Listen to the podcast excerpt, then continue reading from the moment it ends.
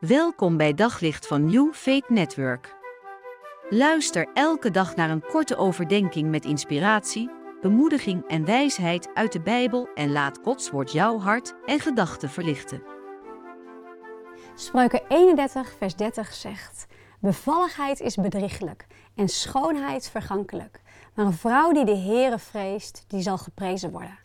In de vrees des Heren liggen zulke mooie, kostbare schatten. Die wil je gewoon niet missen.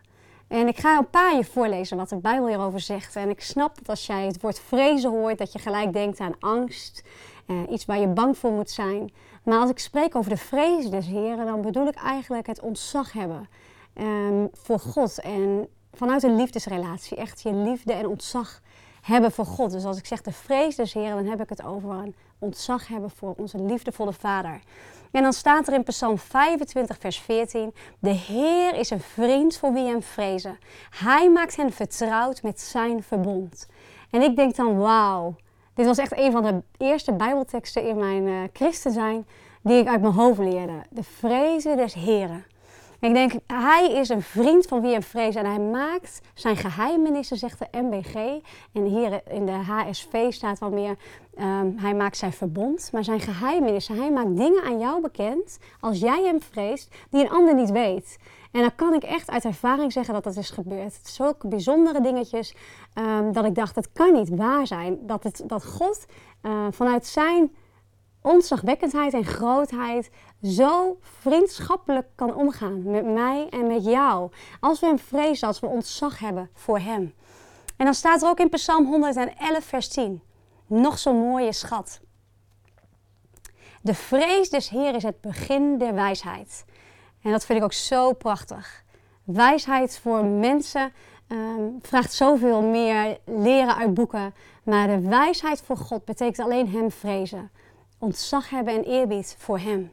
En Spreuken 16, vers 6 zegt: En door de vrees des Heren keert men zich af van het kwade. Weer zo'n waardevolle schat. Deze vrees des Heren, die werkt zelfs als een beschermingsmantel over ons. We willen het, het kwade weren. En als je kinderen hebt, zoals ik ze heb, dan staat er ook zo'n mooie belofte in Psalm 112 dat zijn nageslacht dus als je de Heeren vreest, zal je nageslag gezegend worden. En weet je, soms is het ook wat ik bij mijn eigen kinderen doe. Dan zeg ik, jongens, ik wil dat jullie eerbiedig zijn. Als we bidden is dat heel simpelweg je ogen sluiten en je handen vouwen. En dan zeggen ze heel vaak, maar dat hoeft toch niet per se? Ik zeg, ja, dan ben je niet afgeleid. Dan zit je niet aan je broertje of zusje, maar dan kan je je richten op God. En zo wil ik eigenlijk al heel jong mijn kinderen leren de vrees des Heren.